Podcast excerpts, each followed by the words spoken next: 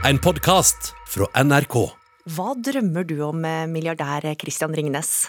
I disse dager eh, så drømmer jeg først og fremst om et uh, åpent samfunn, uh, hvor korona er tilstrekkelig bekjempet til at vi kan leve som normalt, og bl.a. da ta inn på restaurant og hotell, som jeg er ganske mange av.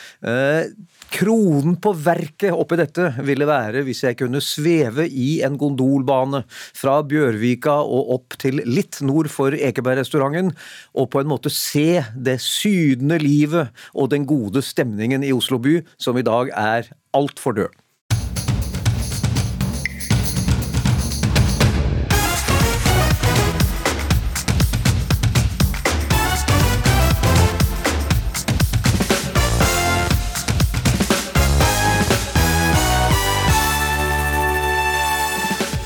Hvert 40. sekund kan fremmede se inn til Inge. Privatlivet er invadert, sier han etter å ha fått en gondolbane over hustaket. Har en stemor rett til å irettesette og oppdra partnerens barn? Vi tar bonusfamiliedebatten i ukeslutt. Allsang er viktigere enn noen gang. Bettan og lillebror kommer med sine allsangfavoritter. Og noen har stukket av med koronavaksiner i ukeslutts påskekrim. Freden ble revet i fillebiter idet fire harde, vonde pistolskudd gjallet mellom veggene utenfor ved parkeringsplassen.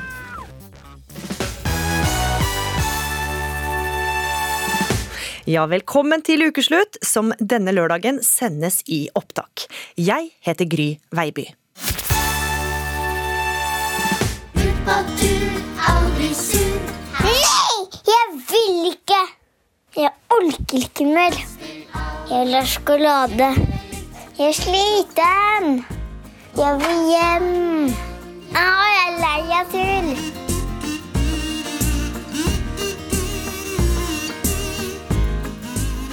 Det å gå på tur og holde motivasjonen oppe kan være slitsomt nok når man er voksen, men å ha med en fireåring på tur er en helt annen liga. For helt uten forvarsel kan trassen og raserianfallene sette inn og forsure turen for eh, alle involverte. Og nettopp derfor er det ekstra imponerende det dere har gjort. Eh, Ole Thomas Helgesen, du er pappa. Dere skulle på backpacking i utlandet, men eh, pga. korona går dere fra Oslo til Nordkapp med en fireåring. Hvordan kom dere fram til at dere ville ta en sånn tur med fireåringen? Ja, det, det, er bra spørsmål. Vi, vi var jo selvfølgelig da begrensa av korona, så backpacking var jo uaktuelt. Eh, så er vi veldig glad i Vi har vært veldig glad i å campe og dra på tur. Eh, selvfølgelig mye kortere både i tid og distanse enn det vi byr oss ut på nå, da. Men vi ble også veldig inspirert av en av en bok Magnus Negård Pettersen, som heter 'Oslos nære villmark'. Hvor han da flere ganger går en måned fra Oslo by og ser hvor langt han kommer. da. Så tenkte vi at En sånn variant kunne vi, eh, kunne vi også gjøre. Gå hjemmefra. Men litt lenger, da. I, i ti måneder ble det til slutt. da. Ja, Det er ganske ambisiøst. Og dere skal også på, går jo også i dag. Hvor går turen? Nei, Vi har, eh, vi har eh, overnatta litt sør for Ringebyfjellet. Så det vi håper er å gå over Ringebyfjellet og kanskje komme fram til Venabygdsfjellet, da, hvor eh, vi skal bo innendørs i natt. Men det er litt ambisiøst med tanke på timene som er igjen av dagen. Så det kan hende at vi trenger morgendagen òg. Men vi har jo både mat og telt og sånn, så tar det som det kommer. Og så høres det jo ut som det var litt barnelatter i bakgrunnen. Kan, kan det stemme at fireåringen er i godt humør nå? Det stemmer. Nå sitter de og spiser uh, lunsj her i løypa mens jeg prater med dere. Og hva, hva syns han om å skulle gå på tur i dag, da? Nei, Jeg tror han syntes det var greit. Han har sittet i pulken for det meste i dag. Og litt kald. Det har vært litt, en litt kald dag, grå og kald dag, men han uh, koser seg bak i pulken for varmen. Så, um, og så har han rydda ut lekene sine nå da, i lunsjpausen, så, så, nå tar vi god tid og bryter opp litt, da, så det ikke blir for monotont for han. Ja, ikke sant. Veldig pedagogisk riktig. Vi skal høre mer fra dere litt seinere i sendinga, både om hvor langt dere har kommet, og om hvor mange bestikkelser dere har måttet ut med for å komme dit. Men nå skal vi straks opp i skyene.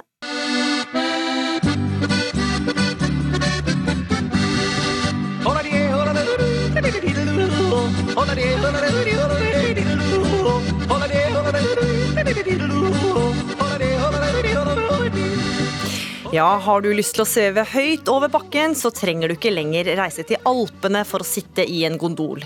For det dukker stadig opp nye taubaner her til lands også. Ja, Det kan nesten virke som at det er en gondoldille som rir landet. Og en av dem som kjemper for flere gondoler, det er deg det, Christian Ringnes. Du er forretningsmann, kunstsamler og milliardær. Du drømmer fortsatt om en gondolbane i Oslo. Hva er det som er så fantastisk med disse taubanene? For det første så gir de vel eh, en reiseopplevelse som er eh, aldeles eh, unik. Man får liksom se ting fra oversiden istedenfor å se dem bare i planet. Ehm, til like så er det jo en veldig effektiv eh, reisemåte. Eh, det er kanskje ikke så aktuelt i norsk sammenheng, annet enn hvis man skal opp på høye topper og fjell, som det er vanskelig å nå på annen måte. Men i utlandet brukes jo dette mye som kommunikasjonsmiddel i trange byer, særlig i Sør-Amerika. Mm. Og dette har du eh, prøvd å få gjennom i flere år, men har fått tommel ned. Annet fordi at det, naboer mente at det kom til å forstyrre veldig. Tenker du ikke på dem, da? Som skal bo under denne gondolbanen som du gjerne vil ha? Jo, eh, det er jo det eneste argumentet mot, eh, faktisk. Eh, for ellers er det veldig, veldig mange argumenter for. Og det var nok ikke jeg som fant på dette med gondolbanen, for den var allerede regulert inn da jeg begynte å interessere meg for området på Ekeberg. Så det er alltid en avveining om du skal lage storflyplass, om du skal hugge et tre, eller om du skal lage en skulpturpark, så er det alltid en avveining med naboene. Og de protesterer eksisterer alltid. Mm. Så man må prøve å få det litt objektivt, og ikke bare at den som hyler høyest, får mest. Vi skal høre med en som plutselig fikk en eh, gondolbane som nabo. Det var deg, det, Inge Rørvik. Du står nå på verandaen i ditt eget hus. Hva ser du? Ja, da ser jeg eh, to-tre kabiner som da går noen opp og noen går ned. Og så har vi et sett med kabler som er fantastiske mot den fine naturen som vi ser ut på LS. 55 mm tjukke. Og så har vi sånne trins som er signalfarger. Så vi føler på en måte at de har tatt ifra oss den utsikten som gjorde dette boligområdet attraktivt. Ja, Beskriv hvordan eh, det å få en gondol som nabo påvirker livet ditt. Eh, det som var spesielt, er at i hele planleggingsfasen så sporer vi om hva slags ulempe vi ville få. Eh, vi fikk lite svar på det, så vi har måttet erfart etter banen kom i drift i 2019. Det er støy. Det er ulike typer støy. Det er nedfall av gris, olje, is og snø. Mm. Eh, så dette må vi leve med. Altså, Vi har jo fått lovnader om at dette skulle ta slutt en gang. Men nå er det snart to år siden oppstart, og vi lever med det fortsatt. Vi skal høre litt, om, høre litt hvordan eh, det høres ut. Du har tatt opp for oss, eh, Inge Rørvik. Skal vi høre hvordan det høres ut når gondolen kjører over huset ditt?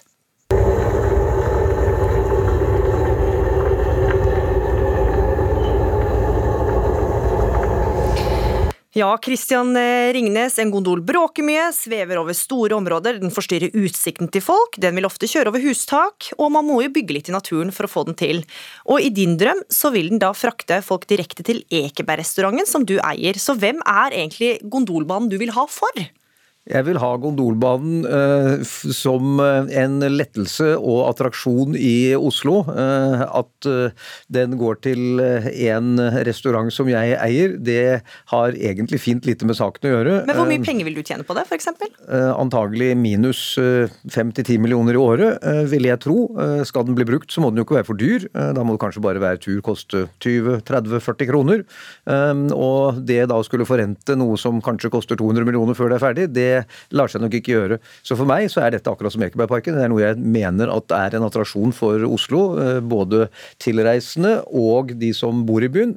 Så det er ikke noe mer komplisert enn det. Mm. Men eh, jeg må jo si at hvis det eh, lydopptaket vi nettopp hørte, som jo hørtes ut som du satt inne i en jetmotor på en Boeing 777, hvis det er en riktig gjengivelse av virkeligheten når du står i en 100-200 meters avstand fra denne gondolen, så er det klart da må også jeg revurderer. Men de stedene jeg har vært, så høres det ikke sånn ut. Og jeg har vært i både Bogota og Rio og stått under disse banene, og da høres det ikke slik ut.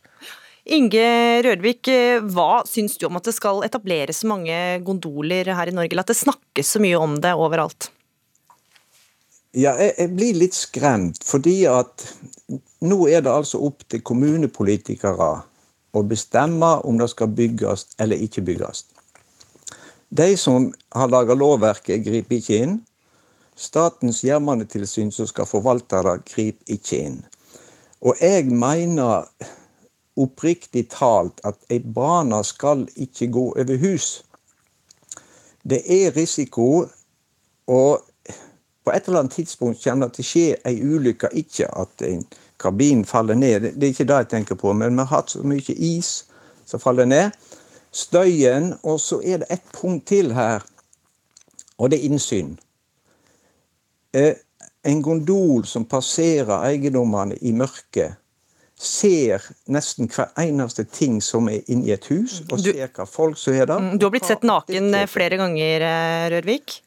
Ja, da har jeg nok Jeg har eksponert meg fordi at bad på ei side av huset, vindu på, eller garderobe på motsatt side, og så gjør du som du alltid har gjort. Og så plutselig så har du en gondol som går opp eller ned i mørket. Og lys inne i et hus, så veit alle hva en da ser. Vi eh, må si at Ukeslutt har vært i kontakt med Voss Herad kommune for å høre hvilke tanker de gjør som at de har bygd en gondol rett over eh, huset, hustakene til folk. Og Da skriver ordføreren i en e-post at summen av de positive samfunnsmessige sidene blir vurdert som større enn ulempene for huseieren under eh, traseen. Rørvik, eh, en kommentar til det? Ja. Eh, det er jo sånn en argumenterer. Men nå vil jeg nett vise til Sula kommune, som har gjort det motsatte vedtaket. De har veid ulempene til huseierne som større enn samfunnsnytten. Kristian Ringnes, en siste appell for eh, gondolbanen. Vi må huske på at vi bor i en by med nesten én million mennesker. Eh, Det er klart Her er det da i størrelsesorden 100 eh, mennesker som eh, jo denne banen ikke skal gå over. Men det er jo riktig at de vil se den på en viss avstand. Så jeg vil bare si at jeg håper at disse tomlene, som da går litt i forskjellige retninger, akkurat nå er den ned, at den vil gå opp igjen når og hvis det blir et regjeringsskifte i Oslo. For det har Høyre og Fremskrittspartiet faktisk sagt. Men nå skal det også sies at det forslaget om å bygge taubane i Oslo første gang ble fremma i 1883, så det kan se ut som det kan være en eh, lang kamp. Eh, Inge Rørvik, eh, nabo, gondolnabo i Voss, og Christian Ringnes, kunstsamler og milliardær, takk for at dere var med i Ukeslutt. Boligmarkedet i de største byene i Norge er så hett at hver minste kott går til prisen av et flott palass. Boligprisene de kan komme til å stige med hele 9% i 2021. Boligprisene stiger nå så kraftig at Eiendom Norge anbefaler Norges Bank å sette opp styringsrenten. Ok, Så for å kjøpe en leilighet eller en bolig til 3,4 millioner, så må du ha 510 000 i egenkapital. Du må kunne låne 2,9 millioner. Og du må ha en lønn på over 580 000 kroner. Hvis ikke du får hjelp av foreldrebanken, da, da blir det jo alt mye lettere. I need dollar, dollar, dollar, For det å skulle kjøpe seg tak over hodet er ikke for dem som eh, mangler verken dollar eller kroner. Men hvordan ser det hele ut utenfra? Laurelot Desjardins, du er fransk blogger, jurist og forfatter og har vært bosatt i Norge i mange år. Og nylig så skrev du en kronikk i VG om særegenhetene ved det norske boligmarkedet. Og hva vil du si er det mest spesielle ved boligmarkedet her i Norge? Jeg ville si at det er ekstremt viktig for nordmenn å eie sin egen bolig. Og det er ikke det, eh, den situasjonen man ser i andre land, som f.eks. Frankrike eller, eller Tyskland. Eh, mine egne foreldre de ventet til de var 35 og hadde fire barn før de kjøpte sitt hus. Og det var for mange mange år siden, og de bor fortsatt der. Så de har aldri solgt det huset. Helt andre, eh, andre tilstander, altså. Eh, Dette var franskmannens eh, analyse. Og nå skal vi til tyskeren. Kayano Schwind, du er medieviter. Du kommer altså fra Tyskland. Du har bodd i Norge i tolv år.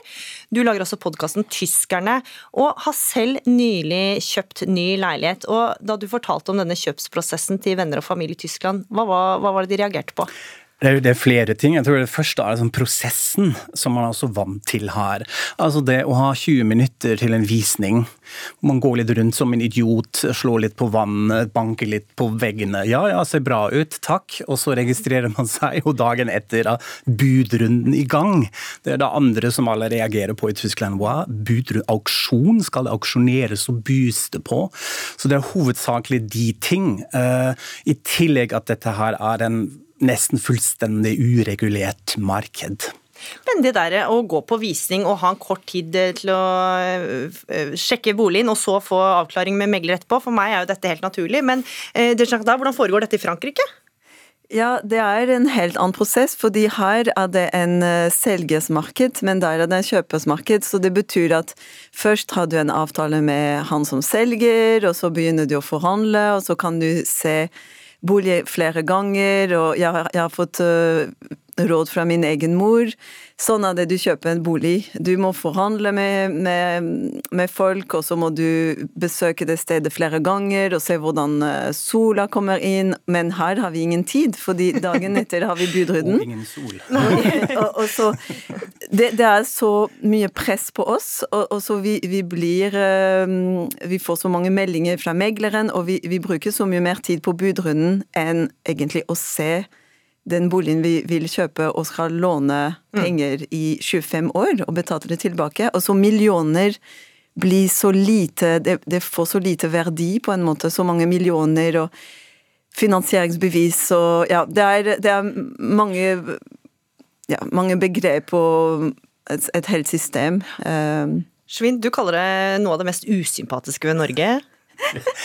det, det, er det, dessverre. Fordi altså, det er jo kanskje litt unorsk også, når man har en sånn alle skal med, litt sånn preget av en sosialdemokratisk ånd fortsatt, som alle påstår, selv om det er kanskje ikke det. Men at det, det, jeg, det reagerte jeg på først, at helt vanlige nordmenn fremstår som sånn beinharde spekulanter når det kommer til boligprisene. Man blir veldig godt orientert. Ja, absolutt. Det er det. Og så veldig mye kunnskap om de bydelene. Og så ja, så fint, nå har dere jo bodd her i to år, da har dere tjent allerede er en million og sånn. Og det syns jeg er Kanskje blandet med det som Lorelo var inne på, at man må eie. Mm.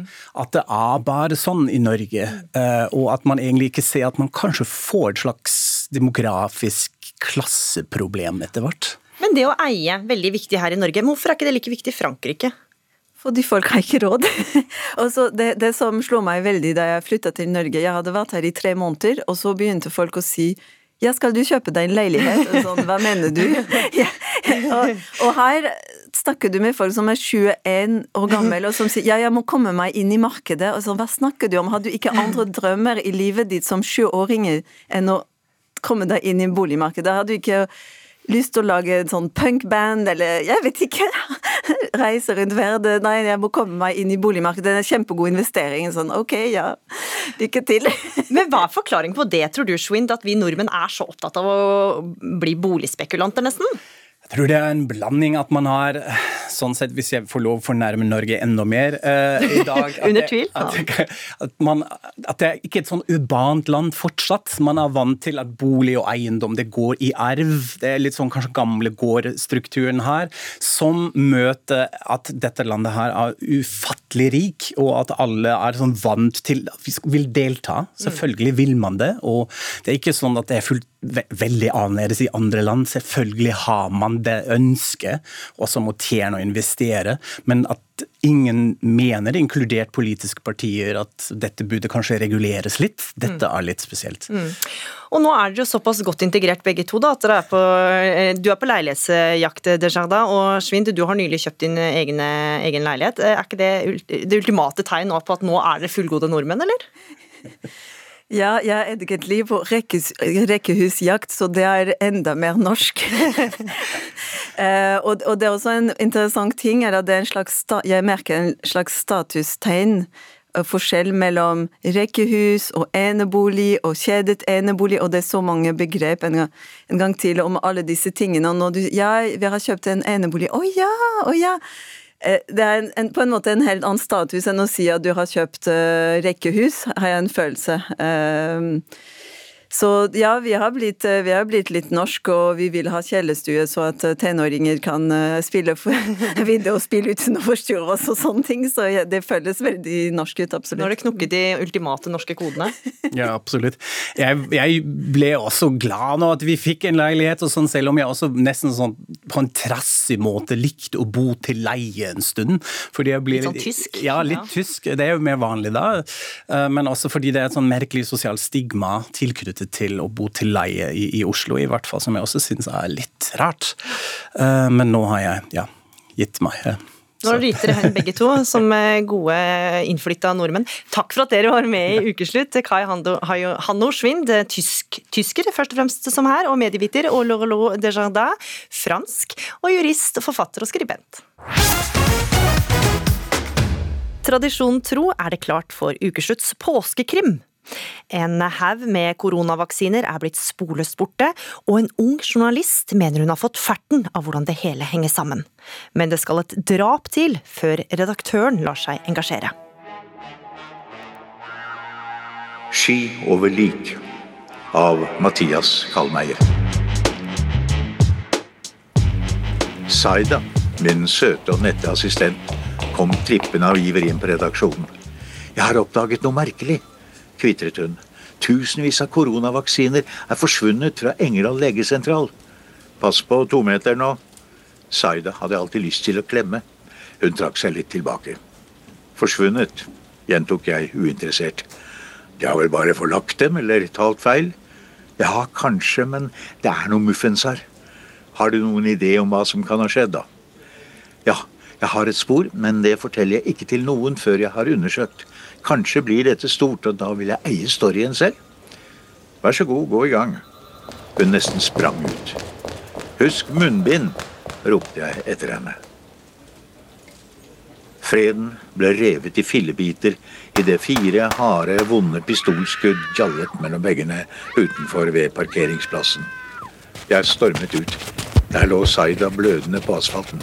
Jeg styrtet frem og prøvde å få oversikt over skadene. Hun ville si noe, men blod i munnen hindret henne i å gjøre seg forstått. Med en kraftanstrengelse hostet hun frem. Litt. Det er litt Så trakk hun sitt siste sukk. Folk begynte å strømme til. I øyekroken så jeg en mann som snek seg langsomt langs lagerbygningen vis-à-vis avisens lokaler. Det var noe fordekt og smygende ved ham. Jeg fulgte ham med øynene. Han gikk mot en bil med litauiske nummerskilt, satte seg inn, og så spant den hissig av sted. Litt, det var litt, var det siste Saida sa. Kunne hun ha ment litauere? Jeg løp mot min egen bil, og jeg kom på sporet av den litauiske stasjonsvognen mens den kjørte ned mot et nedlagt industriområde. Innenfor portene fortsatte jeg til fots. Jeg fulgte lyden av sinte mannsstemmer. De snakket uforståelig, men jeg oppfattet enkelte ord som eh, Engerdal og Åre. Mannen jeg hadde fulgt etter, fikk tydelig kjeft av en annen. Så gikk de inn i et lagerskur. Jeg snek meg lydløst mot stasjonsvognen og kikket inn. Flere kasser med noe som lignet medisinsk utstyr, var stuet inn i bilen. Kunne det være tyvegods? Vaksiner? Jeg listet meg bort til lagerskuret og fikk så vidt kikket inn og så flere paller med medisinske kasser. Da ringer mobilen min, og karene dukker frem og får øye på meg og trekker våpen, begge to. Jeg hører kulene visle forbi ørene mine, og jeg kaster meg inn i bilen. Jeg vrenger den rundt og peiser på bort fra de skyteglade litauerne. Skjelven av sinne, redsel og besluttsomhet setter jeg kursen mot min gode venn Svein Åge. Oppskjørtet og blodig sjokkerer jeg ham med en bønn om å få låne en revolver. Han vil absolutt vite hva jeg skal bruke den til, og jeg forteller i rasende fart. Svein Åge vil ikke låne bort våpen. men insisterer på å følge meg som livvakt. Vi setter oss inn i den svære SUV-en hans etter at han har hentet en del våpen som han mener kan bli nyttige, og setter kursen mot det nedlagte industriområdet. Jeg påtvinger ham et munnbind, for jeg aner aldri hva slags folk Svein Åge omgås.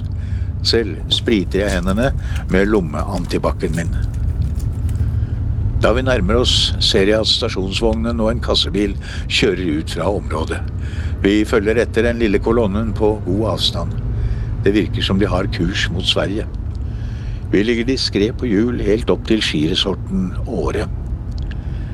Den lille kolonnen stanser utenfor hovedadministrasjonen for Free Spirit, konsernet som driver de fleste alpinresortene i Skandinavia. Sjefen for litauerne går inn og kommer snart ut igjen med den svenske statsepidemiologen Anders Tegnell. Tegnell? Og så med munnbind? Jeg er forvirret. Svein Åge og jeg tar med oss noen lette håndvåpen og sniker oss nærmere. Vi overhører den nå hissige samtalen mellom Tegnell og litaueren. Tegnell gir ordre om å laste av vaksinen i et lagerrom like ved. Igjen så ringer en forbanna mobiltelefon og avslører oss. Det var Svein Åge sin denne gangen. Litauerne griper igjen til våpen og plaffer mot der de tror vi befinner oss. Men Svein Åge har allerede kastet seg i dekning, trekker en Magnum 45. Skyt da, for pokker! gauler jeg til Svein Åge. Jeg ser han reiser seg i knestående, og med to velrettede hodeskudd feller han begge litauerne. Litauerne faller om ved den nå paralyserte Tegnell, som står stiv som en saltstøtte, og jeg stormer frem uten tanke på tometeren. Før han kommer til sans og samling, får jeg ham over ende og binder ham med strips, som Svein Åge kaster bort til meg. Litauerne ligger med døde øyne i snøslapset. Før politiet kommer, får jeg presset ut av Fegnell at planen hans var å opprette et helt isolert samfunn i skiresorten Åre. Få den hermetisk lukket med bare norske skientusiaster. Så sette inn smitten konsentrert. Han håpet den naturlige immuniteten snart ville bre seg, og folk ville bli immune. Hele verden ville da se at hans teorier var riktige, og den snørrhovne Espen Rostrup Nakstad ville endelig stå igjen som taperen av landskampen i pandemi. Jeg overlater ham til polisen i Østersund. Mannen er blitt gal av presset. Den blodigste dagen i norsk pressehistorie var nå over, og jeg kunne se frem til utmerkelsen Den store journalistprisen.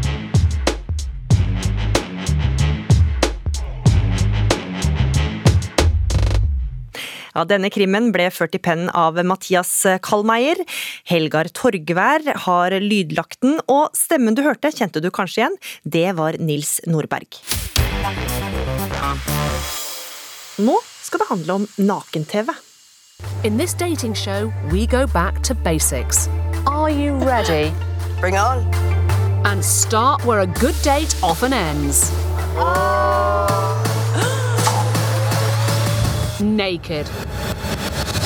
Well, if it frightens you, then go for it. How do you feel about that penis? I think it would definitely be a big one. I think so. I'm going to say goodbye to green. Why? It's the toe. For i flere år så har britene sittet klare med puta og sett på pinlig nakendating i serien Naked Attraction. Og til noens glede, nå kommer serien til Norge. Men det er ikke første gang norske seere har fått naken-TV til popkornet. For du, Sandra Hauge, du har faktisk data naken på TV før, du. For flere år siden så var du med i Adam søker Eva. Hvordan var det å skulle finne kjærligheten helt naken? Eh, Det blir jo en veldig annerledes twist, da. Eh, Det blir jo litt sånn at man tenker eh, mer over hvordan folk ser ut med klær, enn hvordan de ser ut uten. Så det blir sånn omvendt tankegang. Og ikke minst veldig veldig nervepirrende og pinlig å skulle møtes uten klær første gang. Ja, det skjønner jeg. Vi skal høre et klipp her. Da er du eh, på stevnemøte med en vilt fremmed eh, fyr på en tropisk øy. Du er naken, han er naken. Dette er fra første gang dere møttes. Rett på Samme. Sandra. Herregud, du var flott. Det var det første jeg tenkte da jeg så deg. Takk, takk. Ja, altså, jeg liker ikke direkte sånn kontakt med en gang. Jeg pleier alltid å hilse på folk først, men det gikk jo greit. Ja, Sandra Hauge, hvordan var det å få en første klem av en vilt fremmed uten klær? Det var veldig, veldig spesielt. og Jeg hører jo nå eh, hvor klein jeg var på det klippet der. Hvor mye tenkte du over at du faktisk var naken da, når du møtte han? Var du liksom vant til å være naken da, eller eh, tenkte du over det? Jeg tenkte veldig veldig over det. Det var jo nesten med en gang jeg hadde kledd av klærne at han ankom øyen, så det gikk veldig fort. Marte Nyman, du har også vært naken på TV, men i et eh, litt annet program. Du var med i Superkroppen, som er et eh, barneprogram på NRK Super. Hvorfor takka du ja til å være naken på TV? Altså For meg som er Jeg ser på meg selv som kroppsaktivist, eh, så handler det litt om å, det forumet som Superkroppen ga, da, med at jeg fikk lov til å på en måte snakke om kroppen. Det skapte en veldig sånn trygg arena for å både være naken og lure på ting om kropp og spørre, ting, spørre om ting om kropp. og det var en veldig fint forum for å prate om kroppen, som mm. vi ikke har til vanlig. Men det å være naken på TV er jo en terskel for alle, og noen og enhver, vil jeg tro, da. Men det å date naken på TV, Nyman, er det noe du kunne tenkt deg? Nei, altså personlig så syns jo jeg egentlig tanken på å date på TV er mer klein enn det å være naken på TV. Så det å kombinere nakenhet og dating, det er ikke helt for meg, altså. Sandra Hauge, hva var det som gjorde at du takka ja til å delta i nakendatingprogrammet Adam søker Eva? Um, først var jeg veldig skeptisk, men uh, så liker jeg å utfordre meg selv og gå utenfor komfortsonen. Så tenkte jeg at man kommer ikke lenger utenfor komfortsonen enn man gjør når man uh, utfordrer skjeden med å være naken. Så da valgte jeg å takke ja. Og så var, det, var det en stor faktor det at det var spilt inn i Filippinene, da. Ja, så du fikk en eh, deilig liten reise på, på veien? Det gjorde jeg. Og når du er 23 år og aldri har besøkt Asia, så er jo det en veldig fristende tanke i seg sjøl. Mm. Og dette var altså i 2015, som er ganske mange år i TV-verdenen. Hvordan opplevde du det å delta til dette programmet i ettertid? Um, det har jo vært en del uh, oppmerksomhet, da. Både ønsket og uønsket, kan man si. Ja, hvordan da? Um, jeg er ikke så vant til å ha den type oppmerksomhet rundt meg, eller være noe form for midtpunkt. da. Jeg har egentlig alltid vært den stille jenten som har holdt meg litt i bakgrunnen. Så når du da går fra å være den stille personen til å få all den oppmerksomheten, så blir det en stor overgang. Mm. Ja, Var det sånn at folk kjente deg igjen på gata? Det var det i hvert fall i hjembygden. Så ble det mye mer oppmerksomhet enn jeg ønsket. da. Mm. Marte Nyman, du har deltatt eh, nå har jo mange TV-år seinere. Hva slags eh, oppmerksomhet har du fått i etterkant? Eller tilbakemeldinger? Altså Stort sett positive. Jeg kan ikke eh, erindre at jeg har fått noe, noe, negativt. Men det er jo klart at det, eh, det var jo litt sånn tanker i forkant. og litt sånn hvordan skal dette bli, og meninger fra kanskje venninner og litt sånn hm, hva er det du skal være med på nå? Så man er jo litt redd for at det skal få negative konsekvenser. At folk ikke skal synes det er greit, og at det skal få får konsekvenser for deg i dagliglivet. Mm, men ikke merka noe? Nei. Du kaller deg jo eh, kroppsaktivist mm. og mener at det er viktig å vise fram mange ulike kropper. Sånne programmer som da Naked Attraction eller Adamsøket Eva eller Superkroppen, mener du at det kan bidra til et eh, sunt kroppsbilde? Altså, Jeg vil jo ikke på en måte sammenligne alle disse programmene, for de er veldig forskjellige forumer, men jeg tenker at det å se forskjellige typer kropp, det er positivt. Eh, og det å skape et forum og en arena for å snakke om forskjellige typer kropp, det er enda mer positivt. Eh, for vi er jo litt sånn Kroppen er jo litt tabu. Og det er jo litt sånn Det er ikke mange av oss som har veldig lyst til å liksom vise seg fram, og som er komfortable med å være nakne. Og det er mange som har spørsmål og tanker og usikkerheter knyttet til kropp som vi ikke snakker om så mye i hverdagen. Mm. Og jeg tror at det å se kropper det kan skape en arena for å prate om ting som vi ikke får prate om til ellers. Mm. Sandra Hauge, hvis du hadde hatt valget igjen eh, i dag, ville du gjort det samme da? Eh, per dags dato så ville jeg ikke gjort det. Hvorfor ikke? Nei, fordi nå har jeg en jobb som eh, tilsier at det ikke helt er egnet for eh, nakendating. Da, og så likte jeg ikke å få så mye oppmerksomhet, egentlig. Mm. Hva vil du si til eh, alle dem som nå sitter hjemme foran radioapparatet og lurer på om de skal melde seg på nakendating på TV? Tenk nøye gjennom det. Det er noe som kommer til å følge deg, og det er noe du kommer til å få høre. Så hvis du er en person som takler og eh, får tilbakemeldinger på valgene du tar i livet, så kjør på hvis det er det du har lyst til å gjøre. Og hvis du er en person som ikke egentlig er så glad i oppmerksomhet, så vurder det nøye. Mm. Og for dem som har lyst til å se hvordan det hele ser ut, altså nakendating, så er det bare å ha pute tilgjengelig allerede nå. For programmet kommer på strømmetjenesten Discovery Pluss til våren. Marte Nyman og Sandra Hauge, takk for at dere var med i Ukeslutt. Du drømmer om en lang tur i fjellet, men etter 100 meter er det bom stopp for den minste som nekter å gå lenger. Ja, Det er en kjent erfaring for de fleste som har med barn å gjøre. Men det er noen som klarer det. Ole Thomas Helgesen, vi hørte deg litt tidligere at du, du og kona di går fra Oslo til Nordkapp sammen med en fireåring. Hvordan er stemninga nå?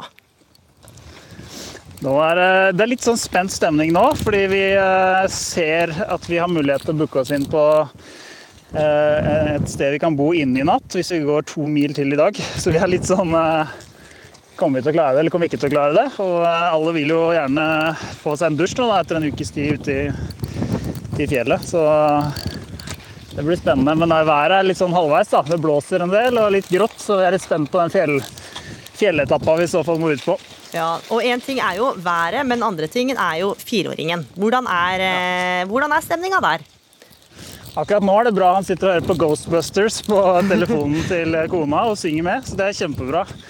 Men eh, det er klart, eh, han må jo sitte der noen timer til da, hvis vi skal få til det vi hadde tenkt i dag. Så det er mulig at eh, kona hun har jo en del sånne overraskelser i topplokket, så det kan at du må fiske fram noen av de. da. Ja. Sånne små, småting vi har tatt med oss. Ja, for det er jo litt for alle som har vært på tur med barn, vet jo at ofte så går det litt eh, godis eh, underveis. Hvordan eh, løser dere det?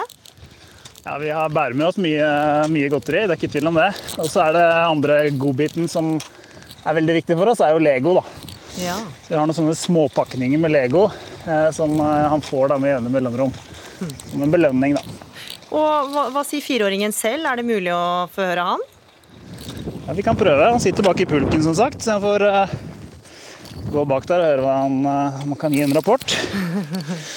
Og det er jo sånn man aldri veit, som eh, man får eller ikke, når det er fireåringen man snakker om. Ja. Vi prøver. Mons? Mons? Har du lyst til å si hei til radioen, eller?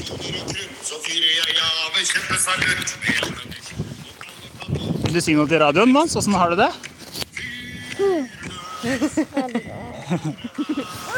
De lurer sånn på åssen du har det i pulken, skjønner du. Hvor kan jeg snakke? Der, ja. Du snakker riktig nå. Her? Ja. Vet du Bæsj! Eh, Tullehumør. Det hørtes veldig kjent ut. Du, Ole Thomas Helgesen, for de som blir inspirert nå og vil gå lang tur med fireåring, eh, har du noen eh, enkle råd helt på tampen?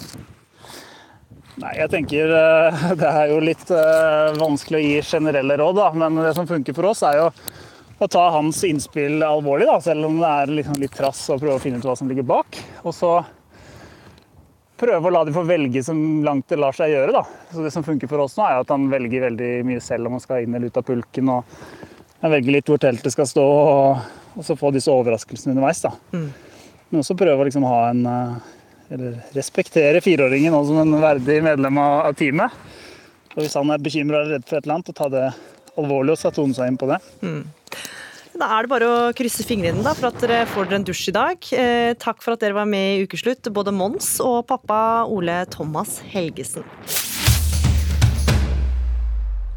Vi skal til eventyrverdenens mest utskjelte.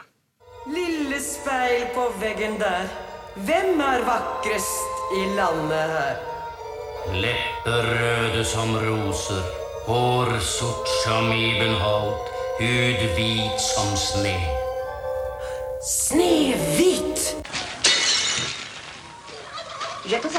Ja, det var nok Askepott igjen. Du tar livet av meg en dag. Ja, Rydd opp nå straks. Ja, de er utspekulerte og onde, stemødrene vi møter i eventyr, i bøker og på film.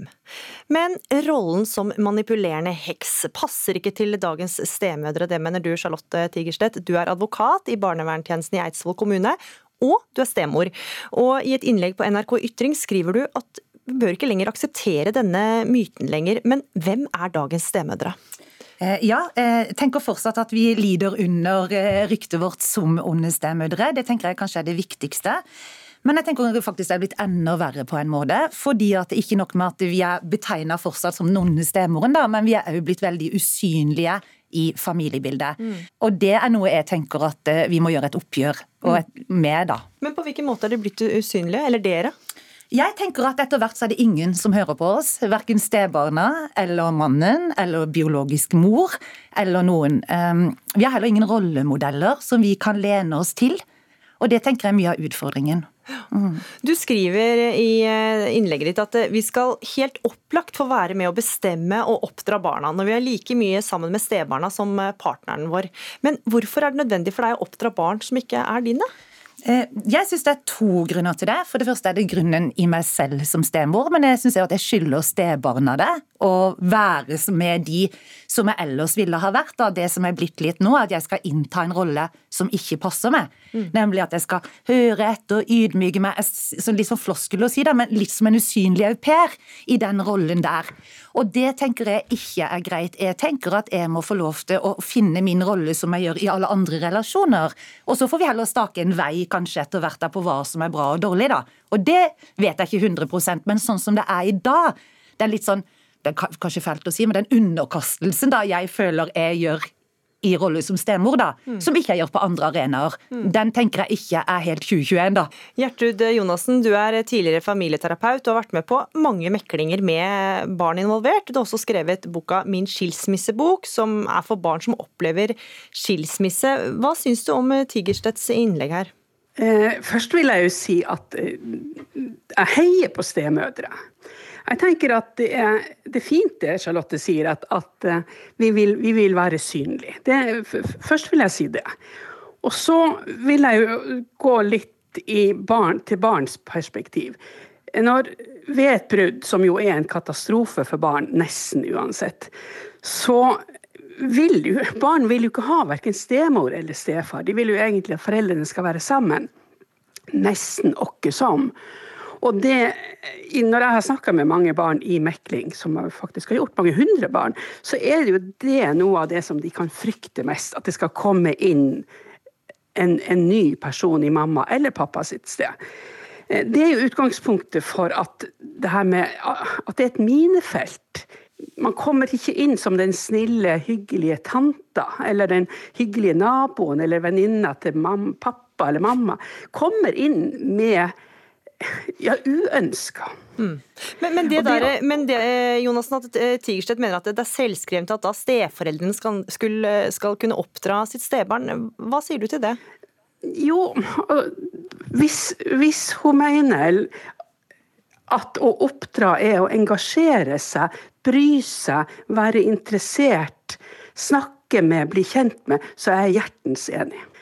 Det er starten på å kunne bli en en god stemor, og for så vidt også en oppdragende stemor. Men man må starte der. Man må starte jeg, jeg, jeg Starte det forsiktig. Altså, eh, ja, for, absolutt. Lytteren eh, ser jo ikke hva som skjer her, men Tigerstedt eh, rister på hodet.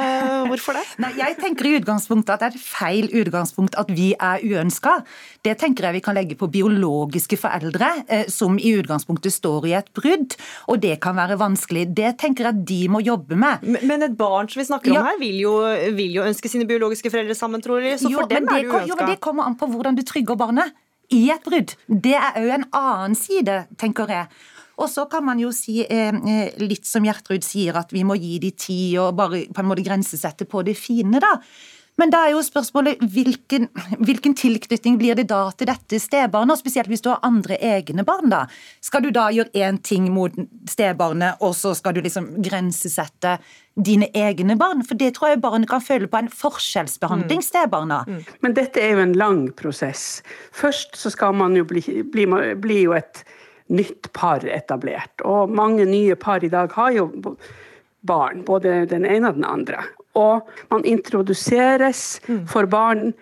Bruker litt tid på det. Jo, men Alt dette tar jo tid, men underveis vil jo da kanskje dette stebarnet få særbehandling av stemor? Jeg tenker at, at far skal oppdra barnet sitt. Og så kan det jo hende at far har abdisert fra hele pappaoppdragelsen.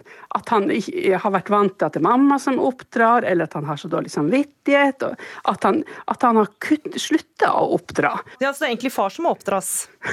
Ja.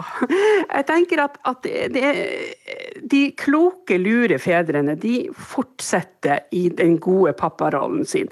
De oppdrar barn, de setter grenser, de trøster, de kjefter hvis det er bruk, bruk for det. Da er det ikke så nødvendig at den nye, freshe stemor må inn og sette grenser og, og oppdra. Hun kan støtte, hun kan støtte pappa. Og så tenker jeg at, at veien til, til, til god oppdragelse og veien til barns hjerte er, er selvfølgelig med det gode. At man blir kjent, at man, man tilbyr kontakt, man er interessert.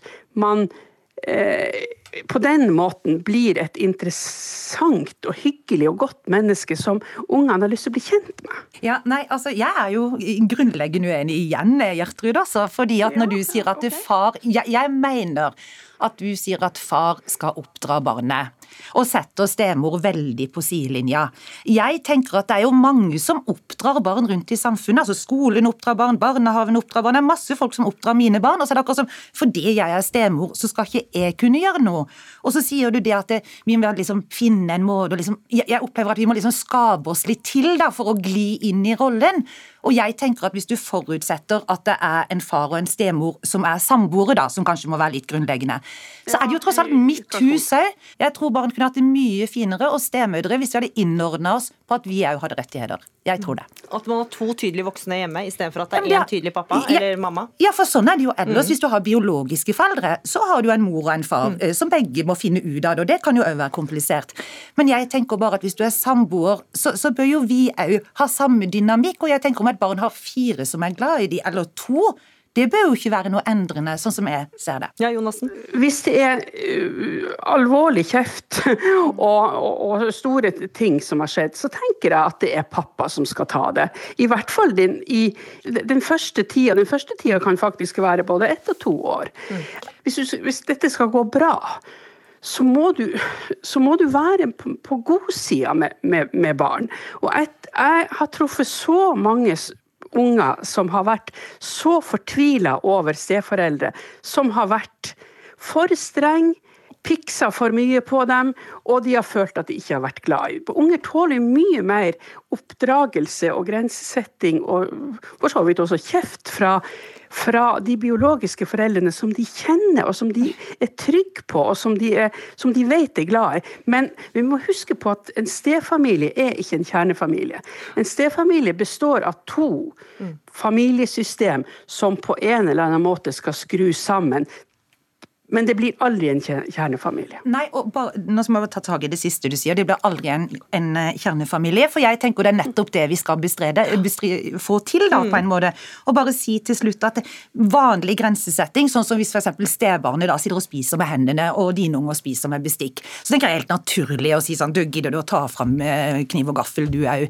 Så, sånne ting tenker jeg man kan begynne med med en gang, og der er vi antageligvis uenige. Vet du hva, Lenger enn dette kom vi ikke. Det er ingen tvil hvert fall om at denne samtalen her har sikkert fått det til å koke i de tusen hjem, der folk eh, kanskje er i kohort med både dine og mine barn. Takk til deg, stemor Charlotte Tigerstedt, og deg, forfatter Gjertrud eh, Jonassen.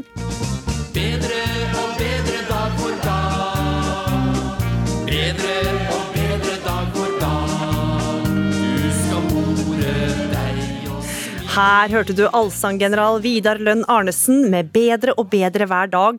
Og kanskje er det akkurat det vi trenger nå aller mest, nemlig sanger vi kan synge sammen. Og du har sikkert en sang som får deg til å mimre tilbake til et helt spesielt øyeblikk. En sang som minner om sol og sommer, eller kanskje en periode av livet ditt. Nå samler Pensjonistforbundet inn sanger til en sangbok som skal få flere til å stemme i. Og artist Elias, Elisabeth Andreasson, du har ofte sett i allsang. Hvilken glede gir, deg, gir det deg å synge sammen med andre? Allsang er jo utrolig viktig. Eh, hei forresten, alle sammen. Eh, allsang er jo så mye mer enn bare å synge, men det er, det er, en måte å føle et fellesskap, det er en måte å føle seg eh, At man har noe Det er en Altså, det der å være sammen om noe, det er jo så viktig for mange. Bare den derre filmen 'Så som i himmelen' viste jo hva et fellesskap i kor, hvor viktig det er. Og, og, du ser på Allsang på, på, grensen, og Lotta på Liseberg, og Allsang på Skansen, hvilken glede det er å få lov til å synge med i sanger som man kjenner, sanger som man har minner til, som vekker noe inni deg, glede, sorg. Så det er så utrolig mye med dette ordet allsang. Det er viktig. Mm. Hele Norges eh, partypianist, eh, kjent fra Reisesjekken på 90-tallet, lillebror Sande Larsen. Du er med oss fra Gran Canaria, og også, har også et uh, svart belte i allsang, vil jeg si. Altså, når merker du, når du sitter foran pianoet, at en låt slår an? Ja, for det første så sitter jeg jo da bak piano, ikke foran piano. Godt poeng. Men ja, det jeg merker, er jo at det, det er jo, man har en del standardlåter da, som har funka i 40 år, så lenge som jeg har vært eh, bak der i piano. Og det er, det er, liksom noen sanger som alltid slår an, så at eh, jeg prøver å dytte inn litt nye ting og sånn innimellom, men det faller som regel tilbake på det gamle gode, da, som alle kan. For jeg har jo publikum i alle aldersgrupper, eh, fra 20 til 70. Eh, og for meg er det viktig at alle kan få, på en måte få være med, da. Mm. Ja, Hvilken låt er det da, Larsen? Hvis du skulle valgt én? Det er jo en sikker vinner. Og, og, og, det er klart når jeg snakker, når jeg hører Elisabeth her òg, så tenker jeg jo til Sverige med en gang. Ja, da. Og da er jo eh, Turistens klaga er jo en sånn sikker vinner som de unge tenker på som eh, en sånn rølpesang, mens de eldre tenker på som en fin vise. Men alle kan jo dette her refrenget. Det derre la, la, la, la, la, la, la, la, la. Da, da, våkner jo alle, liksom. Mm. Kjenner du at du har lyst til å synge med, du også, Elisabeth Andreassen? Ja, hvor mange ganger eh, Hei, forresten, på deg nede i Spania der. hvor mange ganger har du hei, fått spør spørsmål om House of the Rising Sun, til eksempel? Ja, er du gæren? Det, det er ikke én spillejobb av de 6000 jeg har gjort som ikke folk spør etter den. Og de, det som er så rart, da, at når vi, vi tenker allsang i, i, starten så tenker man jo allsang. Å, da må det være noe med fart i. Men de spør like mye etter Knockin' on Heaven's Door og Imagine som, oh, ja, som uh, allsang, da. Ja. Mm. Og jeg er jo veldig glad i Evert Taube, Ted Gjerdestad, Jahn Teigen. Og det er jo det er liksom der det går også når folk spør om sanger. Mm. Ja, Bettan, er det en sang du har spesielle minner knytta til, som alltid får deg til å kjenne glede inni deg? Ja, den herre Um, uh, ja, Jeg vil ha en egen måned, til eksempel med Ted Gjerstad. Det, det, var jo når jeg var 14-15 og var forelsket vet du, i alle disse guttene. Det var jo ikke bare én, det var jo en liste på én til fem, ti til 14. og så var jeg og så Ted Gjerdestad på Liseberg Stora Scene når jeg var 15 år. Og mm. fikk treffe han etterpå, fikk en klem. Og, ja, det var veldig, veldig stort. Så den, den har jeg fine minner av. Og han har jo skrevet så mye fin musikk. Lillebror Sande Larsen, hvilken eh, låt er det som får deg til å bli varmt i hjertet ditt? Ja, jeg må jo si Jahn Teigen. Alt av Jahn Teigen. Eh, vi er jo fra samme by, og jeg kjente jo Teigen godt. og og det er klart Han har vært en inspirasjonskilde for meg både som artist og menneske gjennom mange mange, mange år. Så alt av Jahn Teigen er, eh, det gjør meg veldig varm om hjertet. Og selvfølgelig er det også folkekjær musikk som absolutt alle mennesker kan og har et forhold til. Mm. Der er du vel enig, Bettan, vil jeg tro. Jahn Teigen, du sang jo 'Optimist' når du ja. lagde en låt for Pensjonistforbundet som samler inn disse låtene også. Ja, jeg tenkte ja, Anita Skorgan og jeg har jo et show som, som er oppe og, og står fort, fortsatt faktisk i denne koronatiden. Men, og der vi, har vi med Optimist da, på slutten, og da merker vi at alle bare står opp og synger. Så jeg tenkte at den, den, den passer i Pensjonistenes sangbok, for den vil alle, og alle kan den. Og så blir man så glad av den. Og så blir man glad av å tenke på Jan i, i, den sangen også, så det passer veldig fint. Lillebror Sander Larsen, du sitter ved pianoet nå. Vi skal ikke prøve en liten allsang da, med Optimist? Altså, Det er ikke så lett, fordi at eh, det, sånn som det foregår eh, hos meg, er at alt er digitalt. Og dette pianoet det er da et digitalt piano, så lyden av det pianoet går ikke ut i rommet eller ut til uh, telefonen. Jeg prater jo med deg på telefon, og jeg har prøvd i hele formiddag å koble opp dette her sammen, men det går ikke. Så eh, jeg har ikke lyd i piano til deg. Teknikken står oss altså ikke bi. Den gjør jo ikke alltid det.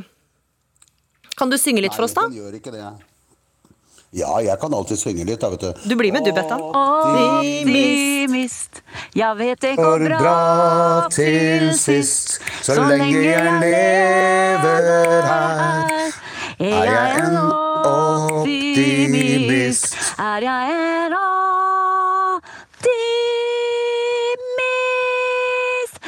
Bam, bam, bam, bam. Å, nydelig! Tusen takk, Elisabeth Andreassen og lillebror Sande Larsen, for at dere var med i Ukeslutt. Og så får vi se da om Pensjonistforbundet får inn eh, mange sanger. Målet er i hvert fall å få trykka denne sangboka til høsten. Det sies at kunsten blomstrer i krisetider. Er det sånn også i koronatida? Ja, våre to neste gjester bekrefter eh, myten. En av dem prøver seg som hyttedesigner, den andre skrev bok. Og velkommen til dere begge, Vebjørn Sand og Unni Askeland. Begge kunstnere. Og vi starter med deg, da, Vebjørn Sand. Tidligere denne måneden så kom du inn på hyttemarkedet med et oppsiktsvekkende hyttedesign. Hyttedesignet er mykt hjerteforma, med store glass, eh, dekka med noe som ligner utskjæringer på stavkirker. Noen sier hyttene dine minner om eh, husene til hobbitene i Tolkens bøker. Andre mener det minner om Disneys fe-univers. Eh, hvorfor mener du at hytte bør se sånn ut? Jo, det er jo det når kunstnere kommer inn i eh, byplanlegging, og det har ikke skjedd veldig mye når det gjelder eh, utvikling av hytter i Norge. Det er jo heldig for nordmenn. Men jeg har jo bodd mange år i New York, og hvis man skal få et område til å vokse, så sender man inn eh, de skeive, homsene, og kunstnerne. Da kommer det koselige restauranter, det kommer farver, det kommer varme og menneskelighet. Og så går prisene opp. Mm. Nå er det eh, slik at eh, en hytteutvikler som heter eh, Hugo eh, Valentino Berg, tenker som de tenker i New York, og har tatt kontakt eh, da med meg og ville at jeg skulle designe hytter. Og det er jo nettopp å bringe inn det, det som jeg tenker ellers når jeg er, eh, jobber som, som kunstner, å bringe inn det jeg liker, det jeg føler er menneskelig, det jeg føler er proporsjoner som er gode, at det er godt å være inni dem og utenfor dem. At det er godt for rett og slett hele mennesket. For kropp, sinn og sjel. Og da, og da har jeg. Intet mindre. Så det, jeg, jeg, jeg, prøver, jeg forsøker da å lage disse hyttene som kunstverk. At folk rett og slett skal bo i et kunstverk. rett og slett. Kunstner Unni Askeland, hva syns du om hyttene til Sand? Jeg er mektig imponert over pågangsmotet, over at han vil realisere disse ideene. Mm. Så jeg ønsker deg skikkelig lykke til. Og ikke bare det, men um, hver gang jeg flyr inn mot Gardermoen og ser Keplerstjernen, så tenker jeg på deg. Nei, sorry. Vi smiger og roser her i studio. Unni Askeland, du også gjør jo noe nytt. Altså, du går fra kunstmaleri til å skrive bok, riktignok med tegninger. Hvorfor gjorde du det? Nei, jeg tenkte som så, hva gjør jeg nå? Nå er alt nedstengt, alt ble avlyst med en gang, jeg kunne ikke reise noe sted og ha utstilling, jeg kunne ikke vise fram bildene mine, det var sånn det begynte jo med utstillingen til Per Heimly og meg som het Øppe oppe på Røgden bruk på Finnskogen. Og vi skulle ha en sånn slags ode til Ari, og det var i mars var, Vi var ferdig med å montere utstillingen 12. mars, og 13. mars så fikk vi beskjed om at mm. landet var nedstengt, og dette er et år siden. Så, det, så var jeg i Lofoten i en måned, og da tenkte jeg nå skal jeg skrive. Det har jeg alltid hatt lyst til. Og så skrev jeg 50 dikt, og så tenkte jeg hvordan kan jeg få til det her? Skal jeg, hvordan skal jeg gjøre det? Så fant jeg at jo, jeg oppretter mitt eget forlag, Univers Forlag. så jeg kan lefle litt. og så fant jeg et trykkeri, Vera trykkeri nede i Porsgrunn, og det var sånn overpositive. Det var nesten så jeg begynte å gråte. liksom. Det var sånn. Så tenkte jeg, hva gjør jeg nå? Hvordan skal jeg liksom klare å finansiere det? Hva skal jeg Jo, jeg tegner originale tegninger, og så er førsteopplaget på 200 bøker. Mm. Jeg satt jo der Og det gjør jeg ennå, faktisk. Jeg tegner i bøkene ennå. Så det har vært noe som var faktisk ganske eh, det var litt en sånn intern suksess, eller en suksess på en måte for meg, da, å få gjort det på den måten. Så ble det da et kunstprosjekt. Det ble noe mer enn bare de ordene. Mm. Selv om jeg håper jo og tror at de ordene kunne stått for seg selv. Mm.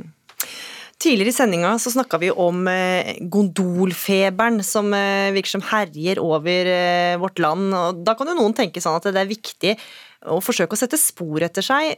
Hvor viktig er det for deg, Vebjørn Sand, å sette spor? Det er ikke viktig i det hele tatt. Jeg er ikke opptatt av å sette spor. Jeg er tvert imot opptatt av å løfte frem ideer og verdier jeg tror på. Men eh, allikevel så lager du jo monumentale verk, da! Ja, ja, men så man kan jo ikke- tenke at du er opptatt av å sette når- Når Unis spor. eh, løfter frem stjernen og sier at hun tenker på meg, så Mm. håper jeg at man tenker på, på det den stjernen symboliserer. Altså, det er jo et fredssymbol. At man tenker på menneskerettighetene, man tenker på menneskeverdet. Uh, og det er jo det som er gjennomgående i eh, egentlig alt som jeg har stått bak av store uh, prosjekter. Da. Altså den første Leonardo da Vinci-broen som også står i Ås, som også i designet så peker frem mot disse hyttene. Og det er jo å løfte frem eh, renessansehumanismen og tenke helhet og tenke humanisme. Så deg i dette er ikke noe viktig? Nei, jeg er opptatt av å løfte frem de verdiene jeg tror på, og at Mm. de skal være synlige og skinne som en stjerne og som en vakker bro. At det kan være med å løfte opp andre mennesker. At det er oppløftende prosjekter. Prosjekter som kan være med å forandre altså Et godt dikt, et sitat, et godt kunstverk og god arkitektur kan forandre et menneskes liv. Og dårlig arkitektur og dårlig kunst, eller dårlig det kan eh, altså, Eller stygg arkitektur kan rett og slett være skadelig for folk. Det vet man. Mm. Unni Askeland, hva med deg? Hvor viktig er det for deg å sette spor? Um, kanskje Det du sa forresten var ganske fint, men eh, det er jo også subjektivt hva som er god og dårlig eller stygg og fin arkitektur. Det vil jo alltid være subjektivt, ikke sant. Jeg tenker mer på, på at kanskje prosessen er mye viktigere for meg. Og jeg tenker sånn men jeg tenker også på det å skrive en historie, det å sette seg inn i en kontekst, og det å skrive en historie Jeg husker f.eks. for eksempel når jeg ble innkjøpt av Nasjonalmuseet, så ble det en kjempeskandale. Det skulle jeg jo egentlig ikke vært. Men jeg husker jeg var så glad. Jeg kom ut herfra studio fra NRK, så ropte jeg hurra, og så med en gang da var det sånn Hørte jeg alle var imot det, og nei og fy, dette må trekkes tilbake, og det var en sånn der kjempeskandale. Så- Dette var i 2008. ja, og det var i 2008. Og, det, det er sånn, at og da tenkte jeg litt sånn etterpå ja, Uansett hva som skjer nå, så vil det jo bli skrevet historie, liksom. Og det, men det er også sånn når jeg refererer til kunstnere, når jeg vet min, hvem jeg har vært opptatt av, altså sånn kunsthistorisk også, hvis du tenker på sånn som man nevner Leonardo da Vinci, du håper til Jeg har kanskje vært veldig imponert, eller vært jeg brukte vel kanskje den ekspresjonistiske paletten som mitt utgangspunkt, Mm. fordi det sto til min um, mitt temperament osv. Så, videre, og så, videre. så Mm. det gjelder jo da Picasso, Matisse og Van Gogh og alle de der tingene der. Så det er jo De er jo udødelige for meg. Mm. Men du nevnte jo 2008, og noe dere har til felles er at det, det er ikke alltid det blir like godt mottatt, det dere lager og det dere gjør. Hvordan takler dere det? Min mor har alltid sagt at eh, man eh, trenger motstand i unge år for å få en sterk eh, rygg, så, så det tåler jeg veldig bra. Jeg tror jeg er en sånn motstandskvinne. Nei, jeg fungerer veldig bra når jeg har motstand. Og så er det påske. Hva gjør dere i påsken? Ja, jeg kommer til å være oppe i Roseslottet, som min bror Eimund og jeg har, eh, har skapt. Da. Eh, Vi holder jo åpent der, det får vi lov å gjøre, så, så eh, med veldig strenge tiltak. Og tilbake til også hyttene, de var jo også laget for at honoraret skulle gå til å bygge, bygge Roseslottet, og det henger også veldig sammen med, med det. Mm. jeg er da hjemme i huset og har forskjellige etasjer til forskjellige ting. Nede er det mat, i andre er det litteratur, og i tredje er det atelier. Så jeg har det veldig fint, og jeg skal være veldig mye sammen med familien min. Så Og så, Unni Askeland, har du forberedt eh, Du har med deg et ark? Jeg har et lite sitat her, fordi eh, boken til Milan Kundera, som heter 'Udødeligheten', er en av de bøkene jeg husker veldig godt fra slutten av 80-tallet, når den kom ut og leste den med en gang, og laget faktisk noen bilder etter den boken. Så jeg tenkte jeg skulle lese det. Selv om det er mulig å forme udødeligheten, planlegge og manipulere den, vil den følgelig aldri realisere seg slik den var planlagt. Da må jeg nesten avslutte med det som er budskapet til Roseslottet, og det er artikkel 1 av menneskerettighetene, at alle mennesker er født frie med samme menneskeverd og rettigheter, og vi er utstyrt med fornuft og samvittighet, og vi bør leve sammen her på jorden i brorskapets ånd. Unni Askeland, Vebjørn Sand, takk for at dere var med. Du har hørt på Ukeslutts påskesending. Ansvarlig for sendinga var Kari Li. Det tekniske ansvaret hadde Ida Laral Brenna. Og i studio var Gry Veiby. Takk for at du hørte på dette ukesluttopptaket. Du har hørt en podkast fra NRK. Hør flere podkaster og din favorittkanal i appen NRK Radio.